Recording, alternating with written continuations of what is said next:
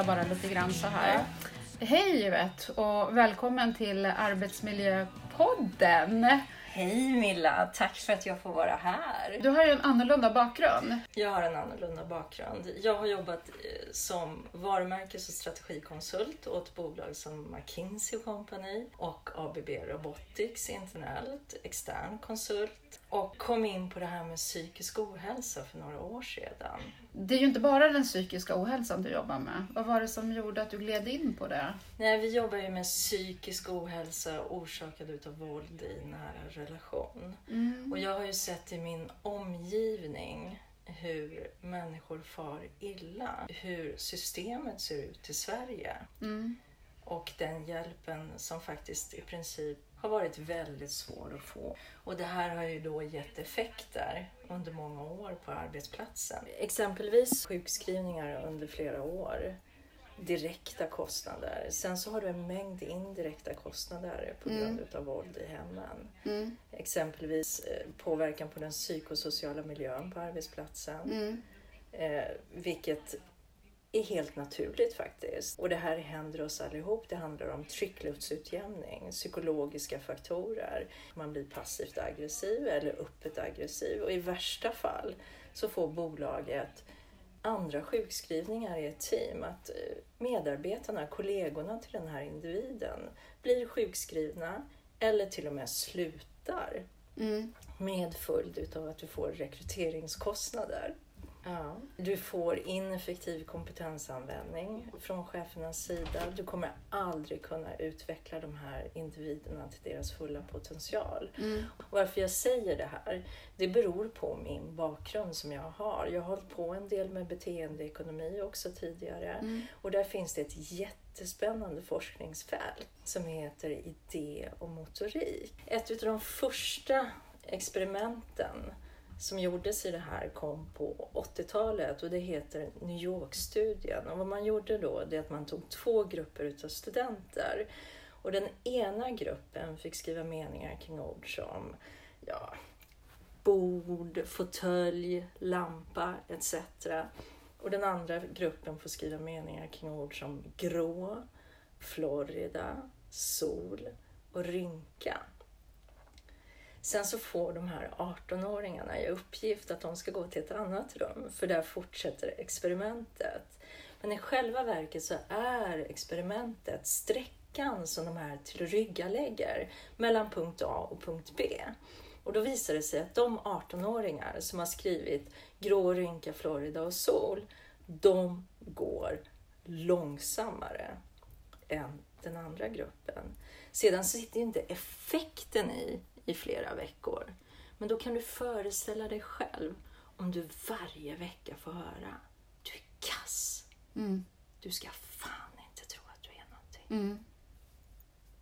Det där stänger du inte av klockan åtta Nej. på morgonen när du kommer till arbetet, eller hur? Nej, definitivt inte. Och jag då som jobbar med arbetsrätt och arbetsmiljörätt, jag ser mm. ju genast att det kanske då finns en en problematik till där därför att om du får höra att du inte duger någonting Nej. till och inte klarar av ditt arbete i sitt fulla liksom, i sitt fulla skeende utifrån mm. de grundkrav som är via anställningsavtalet, då hamnar man i en missköttelsesituation som man egentligen inte rår över själv. Exakt så är det. Men du påverkar också andra i din ja. omgivning. Teamet i sig själv. Om du kanske ställer in möten möten eller ja, inte mm. fullföljer det du ska göra för att du kanske inte orkar just då. Mm. Det påverkar ju dina kollegor också och den utväxlingen. När var det du startade företaget? För drygt två år sedan. För två år sedan. Ja. Hur har det mottagits? För jag har ju förstått att du har ju stora kunder. Idag har vi stora kunder. Ja. Vi har dem på olika nivåer. Och det är både inom stat och privat? Primärt privat. Ja. Och kommun. Okej. Okay. När du kommer in på ett företag, hur, hur går det till? Vad, vad gör ni för någonting ganska konkret? Kan du inte berätta om processen? Men vad vi rekommenderar eh, när man har ett intresse av att arbeta med det här, exempelvis på grund utav att man jobbar med FNs globala mål, nummer fem, jämställdhetsmålet, där det faktiskt till och med står i de här så kallade kopiorna som, som man har utformat, 5.2, att adressera det här privata våldet så rekommenderar vi att vi gör en workshop till att börja med. Vilka fördelar har vi för att, vilka fördelar får vi av att arbeta med det här området? Vilka nackdelar kan det här faktiskt medföra? Vilka mål ska vi sätta? Hur mäter vi våran framgång? Utifrån det så designar vi projektet. Men primärt så säger vi så här. Gör en rutin. En policy och en rutin som Exakt. är kopplad till eh, Exakt. hot och våld i hemmet i nära relationer. Exakt. Ja. Och få ut ett medarbetarerbjudande. Mm. Att nu samarbetar vi med ett företag som erbjuder de här tjänsterna. Mm. Jag vet ju att du har ju jobbat som managementkonsult. Ja, det är ju en precis. rätt tuff värld ja. på alla nivåer och på ganska stora managementbyråer ska ju tilläggas. Vilket innebär att du kan ju räkna effekterna av eh, ett förebyggande arbete. Ja, absolut. Eh, vad kostar det att inte förebygga den här typen av problematik? Är det någon som har räknat på det ordentligt? Just den här problematiken, vad vi säger utifrån den statistiken som ändå finns i området, så menar vi att 3% utav de medarbetarna som finns på bolaget lever i relationer där det förekommer våld och där arbetsprestationen påverkas. Mm. Det är vårt ingångsvärde. Mm. Varje individ kostar 170 000 kronor. Och det i produktivitetsförluster mm. på teamnivå och max då 15 dagars sjukskrivning på ett år. Okej. Okay. Och det, så det här är egentligen bara under 14 dagar och den kostnaden ja, eller? Exakt. Ja. Och då tänker jag så här att om man lägger på då Arbetsmiljöverkets siffror mm. när man då pratar om en medarbetare som befinner sig i en sämre arbetsmiljö. För du sa ju mm. tidigare att det, det, här kan påverka andra också. Mm. Och man säger ju idag, man har ju kontrollerat mm. eh, att eh, ungefär 38 procent försvinner i effektivitet per vecka och individ. Det är 15 timmar i veckan per individ. Mm. Och 15 timmar per individ och vecka är jättemycket pengar. Det är enorma summor vi pratar om här. Ja, så att det finns väl all orsak då att jobba förebyggande. Hur ska en arbetsgivare tänka när, eh, när man misstänker att man har en medarbetare som kanske är utsatt för någonting i hemmet. Det behöver inte vara fysiskt våld ska vi tillägga. Det kanske inte är det som är det vanligaste. Det, ehm, psykiska det är det psykiska våldet. Ja. Hur ska man hantera det här? vad, vad, ska man tänka på som arbetsgivare? För eh, det kom ju någon rapport här för inte så länge sedan och regeringen har väl gett i uppdrag till Arbetsmiljöverket att agera. Ja, det kom en rapport från Socialstyrelsen ja. som heter Dödsfallsutredningen där man uppmanar regeringen att ge ett uppdrag då mm. till Arbetsmiljöverket att utreda ett arbetsgivaransvar precis på samma sätt som för alkohol och droger. Vad skulle din rekommendation vara till en arbetsgivare som står där och precis har konstaterat eller kanske misstänker snarare? Ja. Vad ska den arbetsgivaren göra? Ja, förutom att givetvis ringa oss så, så handlar det om att våga ta ett samtal eh, och faktiskt fråga. Det handlar precis som alkohol och droger. Jag vet inte hur många gånger de konsulterna uppmanar då sina kunder. det handlar om att våga fråga, att ha ett närvarande ledarskap. Då kommer vi in på chefsfrågan. Ja. Vad tycker du saknas idag inom managementleden? Det handlar ju om givetvis kunskap. Mm. Om vi bara tittar på det här området så handlar det om kunskap mm. primärt. Eh, det handlar om mod mm. väldigt mycket hos alla. Värdegrunder. Eh, vet du, jag tror så här, nu har ju bolagen köpt värderingar mm. för, för många, många, många kronor eh, mm. under flera år. Det handlar om ett beteende mm. eh, som egentligen värderingarna ska främja då, bolagets mm. värderingar. Och beteendet är ju det som främjar produktivitet. Det kan man ju titta på i all managementlitteratur. Så att det handlar om ett beteende mm. och att få det här att linjera mm. med värderingarna såklart. Företagets core values och Ja. code of conduct och allt som Ja. de då har på bolagen Ja. blir extra viktiga att förtydliga för också chefer som medarbetare.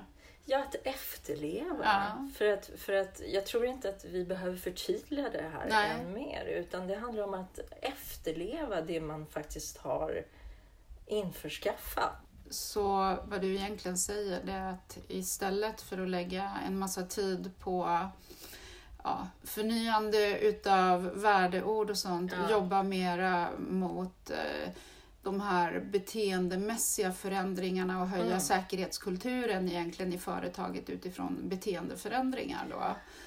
Absolut. Och genom det här så får du en utväxling Ja. ekonomiskt. Har, har ni räknat på det där för något utav bolagen som ni samarbetar med? Hur skillnaden har blivit efter att ni har gjort screeningar till exempel när ni kommer in? Exakt. Du som arbetsgivare, har du sjukskrivna Ja, så kan vi komma in och screena eh, de sjukskrivna. Och, och mer, fler än vad man tror ja, är faktiskt utsatta Mm. för våld i hemmet som redan idag är sjukskrivna på grund av psykisk ohälsa. ja. Eh, hur går en sån här screening till? Det är ett samtal som man tar med en av våra konsulter som tar cirka en till två timmar. Mm. Och så får man någon form Ja. av resultat där då. då. Exakt, och istället, ja men du kan ju bara också se det så här som att utesluta vissa orsaker så Mm. att du faktiskt kan adressera resurserna rätt. Mm. Så att du tar ditt rehabiliteringsansvar och Mm. får tillbaka medarbetaren. Ja, för det är ju medarbetare man vill få tillbaka Exakt. i, i, i, i ett bra Exakt. skick. Producera på ett effektivt sätt, Mm. om vi säger det så. Mm. Och mår bra och kan tillföra värde i organisationen. Vad tycker du de största hindren är idag när det gäller den här typen av problematik på Okunskap. arbetsplatser? Okunskap. Absolut. Och modet. Ja, Det är, det är hela tiden de här parametrarna som, Mm. som vi behöver. förtydliga lite. Mm. Jag vet ju att ni också gör utbildningar för Ja, chefer. det gör vi. Mm, vad, vad, vad går de ut på? De är till två tredjedelar aktiva. Eh, där man får praktisera aktivt lyssnande i sin kärna. Verkligen. Eh, och även dilemmaövningar. Så att du istället för att se två skådespelare på en skärm så får du jobba med vilka frågor, hur ställer jag de här frågorna när jag får det här eh, svaret. Mm. Eh, så att, så att eh, du faktiskt känner dig trygg i en sån här situation, i ett sånt här medarbetarsamtal. För det är ju ganska svåra samtal. Som man, det är ju etiska dilemman många gånger och moraliska som man hamnar inför. Och som chef så har man ju inte alltid den utbildningen att hantera eh, den här typen av frågor.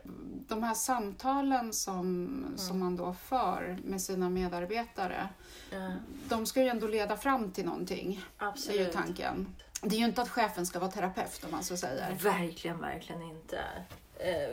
Du, du ska egentligen, du ska ju inte ta ett ansvar för individen. Du ska ta ett ansvar för att kunna ge rätt insats. Precis. Och jag tänker ju då utifrån arbetsmiljöperspektivet. Ja. Här har ju arbetsgivaren ett ansvar utifrån eh, AFSEN 2015 kolon Ja. 4 organisatorisk social arbetsmiljö. Att eh, kunna hantera frågeställningar när en medarbetare inte mår bra eller kanske inte levererar då. då. Mm. För det kan ju märkas på arbetsprestationen eller någonting annat. Och att ha de här samtalen kan ju också vara påfrestande för cheferna. Och Ja. där finns det ju också ett arbetsgivaransvar. Att i, i belastande situationer för medarbetare där det då kommer till dilemman så har ju Mm. arbetsgivaren ett långtgående ansvar att stötta upp med både handledning och eh, utbildning och så. Och det är ju viktigt att förstå. Så har vi chefer Mm. så bör vi även ge dem ett eh, verktyg för hur man för sådana här samtal för att det helt enkelt ska landa i rätt låda. Eh, och inte utmynna i någonting annat. Exakt. Och, och saken är ju den att det har ju utmynnat i väldigt mycket annat. Ja. Vilket kan resultera i att du får långtidssjukskrivna medarbetare som, ja, Som inte fungerar helt som enkelt. inte fungerar. Hur ser framtiden ut, tycker du, inom det här området? Ja, den börjar ju se ljusna. Eh, Faktum är ju att, att man utifrån politiskt börjar titta på de här frågorna eh, ur ett annat perspektiv. Mm. Att, att arbeta mer preventivt, vilket gör att man tittar på ett arbetsgivaransvar. Mm. Eh, Det, det kan finnas en, en möjlighet för det då. Och, och från arbetsgivarperspektivet så handlar det ju här ju om jag kan ju bara se det här som positivt egentligen. Och det handlar inte enkom för att jag har ett bolag eller delägare i ett bolag som erbjuder tjänster i det här. Utan det handlar ju om att bolaget som gammal managementkonsult blir mycket mer kostnadseffektivt. Vi sparar kostnader. Men också långsiktigt så blir det effekter på resultatet. Mm. Där du ökar produktiviteten. Du får en mycket högre utväxling. När, när man kommer till eh, den här typen av situation Mm. där, där man då kanske misstänker att en medarbetare far illa. Om du skulle sammanfatta fem punkter som en arbetsgivare ska tänka på, ungefär som en liten checklista, vad skulle det vara? Ja, att du ska, du ska ta ett samtal. Du ska Mm. låta det här samtalet ta tid. Du kanske inte kommer i mål vid första samtalet.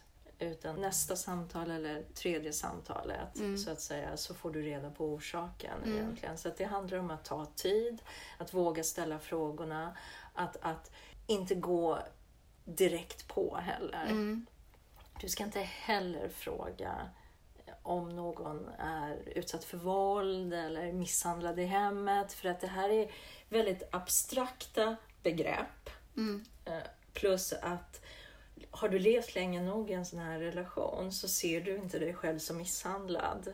Du kanske ser dig själv som att det är en relation där man uttrycker sig på olika sätt. eh, Kanske till och med våldsamt. Då. Och man kanske är delaktig i det här. Så att, så att man, man, man får också i väldigt, väldigt, väldigt många fall så, så har man, man brukar säga så här att våldet externaliseras utav den som brukar våld medan den våldsutsatta internaliserar våldet. Man tar alltså ansvar för att man är våldsutsatt. Skulle inte jag gjort så här så skulle inte det här ha hänt. Skulle jag inte sagt det där så skulle inte det här ha hänt. Och idag så gick jag ju faktiskt 20 minuter senare från arbetet. Så det är ju klart att, att, Att det Det- hände. att det hände. Mm. För att jag var ju försenad. Mm. Så att det handlar om att, att vara konkret. Mm. Och har du kommit så pass långt så att det kommer fram att man är våldsutsatt, så då kan du, vara, då kan du fråga om, om exempelvis om någon har fått en örfil eller blivit, fått en spark, så att du är konkret. Vad finns det för tidiga signaler?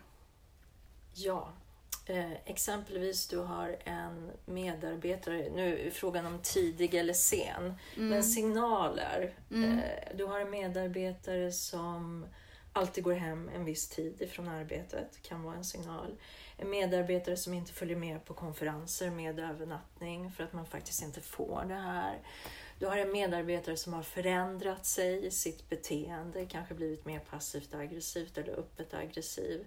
Du har en medarbetare, man pratar också om sjuknärvaro i de här fallen. Mm. För att arbetet är den enda säkra platsen.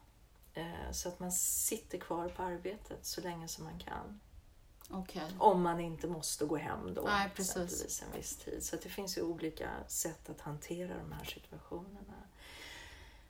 Ser du konkreta, vad ska man säga, någon som är utsatt för fysiskt våld där det blir konkreta märken, då har det gått extremt långt. Långt. Mm. Ofta syns inte det här. Däremot så syns det på arbetsinsatsen. Mm. Vi har ju idag en eh, digital värld runt omkring Ja. oss. Mm. Och eh, där finns ju mobiltelefoner, Mm. datorer, vi kan installera olika övervakningssystem på mobiler och sådana saker. Eh, hur ställer du dig till det när, när det gäller arbetsredskapet, det vill säga om mobiltelefonen ägs utav företaget? Mm. Ja, just det Milla. Ja, eh, faktum är ju att just när det gäller våld i nära relation eh, så används ju mobilerna. För det handlar om i grunden, de här relationerna, så handlar det om makt och kontroll. Så mobilerna används på olika sätt då utav den som utsätter den andra för våld. Eh, och eh, självklart så handlar det om dataintrång idag. Mm. Så. Eh, jag har ju faktiskt till och med hört skräckexempel och det här har ju varit förbjudet lång tid innan GDPR. Mm. Där en våldsutsatt hade på mobilen på möten på företaget eh, och blev avlyssnad då. Från, Det är ju fullständigt fruktansvärt. ja, för, företaget var medvetna om det här en period. För, för det kanske är bra om vi förtydligar just det här med GDPR. Att ett, eh, en mobiltelefon är ju ett arbetsverktyg. Där har du ju en inloggning. Eh, bör ha i alla fall.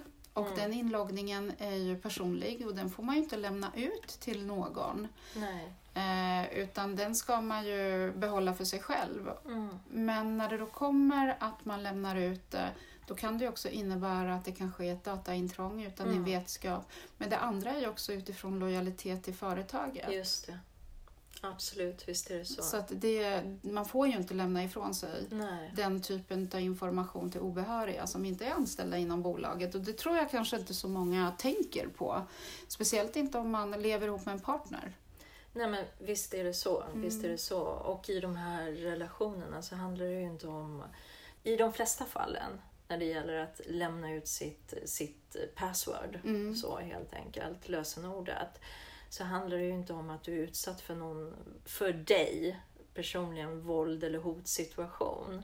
Utan det är så den här relationen fungerar. För oss utifrån så ser vi det abnorma som sker. Men lever du i den här relationen så är du inte medveten om hur, hur det fungerar. Nej. Du är så pass normaliserad helt Mm. enkelt. Hamnar man i en sån här situation Mm. och under en väldigt, väldigt lång tid, Mm. då är det också väldigt svårt Ja. att eh, förändra. Och då tänker jag på arbetsgivaren utifrån rehabperspektivet. Mm. Att där bör man ju också ha någon form av rutin som är kopplad till företagshälsan. För det är ju där de kan kliva in tillsammans med er som är specialiserade på Mm. området. Mm. Så man både har den här medicinska understödet som kanske behövs ibland Ja. Eh, Men också eran expertkunskap. Som arbetsgivare så kan man ju faktiskt eh, rädda livet på människor genom att ha tydliga rutiner och policies. Jag gör ju många eh, utredningar exempelvis kring kränkande särbehandling, mobbning, eh, sexuella trakasserier och sådana saker. Och eh, jag kan ju definitivt se att en arbetsgivare är den som kan göra den stora skillnaden när det då kommer till den typen av problematik. Att helt enkelt få en person att må bra. För det är ju det är ju oerhört hemskt när en enskild individ tar sig friheten och dikterar upp en ny livsbana för en individ. Som inte var tänkt från början. Exakt. Och om man nu skulle dra ännu större vä- eh, Växlar. växlar på det här eh, så skulle man ju till och med kunna säga att du har en- del anställda som finns i skymundan Ja, i, i de här situationerna. Mm. Och vill du verkligen ha det? För det handlar om risker. ja, det är risker. Ja. Och här kommer det systematiska arbetsmiljöarbetet in. Ja. Att man ska förebygga. Mm. Och när det kommer till mental psykisk ohälsa Ja. så ska man ju förebygga även på det området. Och då kommer vi också in i den här typen av situationer. Och för alla som inte är inkopplade på just det här med, med det systematiska förebyggande arbetet så kan jag ju säga att en arbetsgivares skyldighet utifrån den föreskriften som heter Mm. 2001 kolon 1 systematiskt arbetsmiljöarbete så ska man undersöka, riskbedöma, åtgärda, följa upp effekten utav det som man har gjort utifrån fysiska, psykiska och sociala arbetsförhållanden. Mm. Så att där har vi på något vis slutit cirkeln också, att arbetsgivaren har då ett ansvar att eh, möta sin personal på alla nivåer. Och eh, vet man om att man kan göra skillnad så tänker jag så här att om man kan förhindra att en mental ohälsa uppstår, även om den inte är eh, från arbetets perspektiv. Mm. För det, det, här är ju inte arbetsrelaterat, mm. men det påverkar arbetet. Absolut. Och då spelar det liksom ingen roll, för då ska arbetsgivaren agera på det.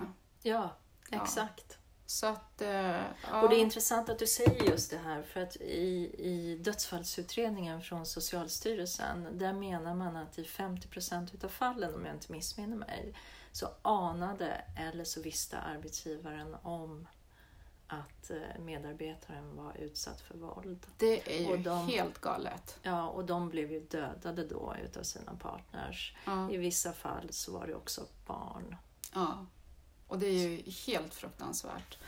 Eh, har ni samarbete med polisen och med socialtjänst? Eller hur, funger hur fungerar ert företag? På ja, nej, sättet? vi är en alltså extern. Ja. Eh, så, så vi har inte samarbete med dem. Eh, utan, utan när man jobbar med oss mm. så har man ju rent eh, sekretess utifrån ett företagsperspektiv. Mm. Det är mm. så vi arbetar. Mm. Så att vad ni egentligen gör, det är att ni ger företagen verktygen för hanteringen av en uppkommen situation. Exakt. Och, och och egentligen brott och sånt, det ska ju polisen utreda. Exakt, så att, så att det här hamnar inte i några offentliga register på Nej. något vis. Det är jätteviktigt. Ja. Utan det hamnar under arbetsmiljöperspektivet. Exakt, Exakt. Ja. så är det. Ja. Mm.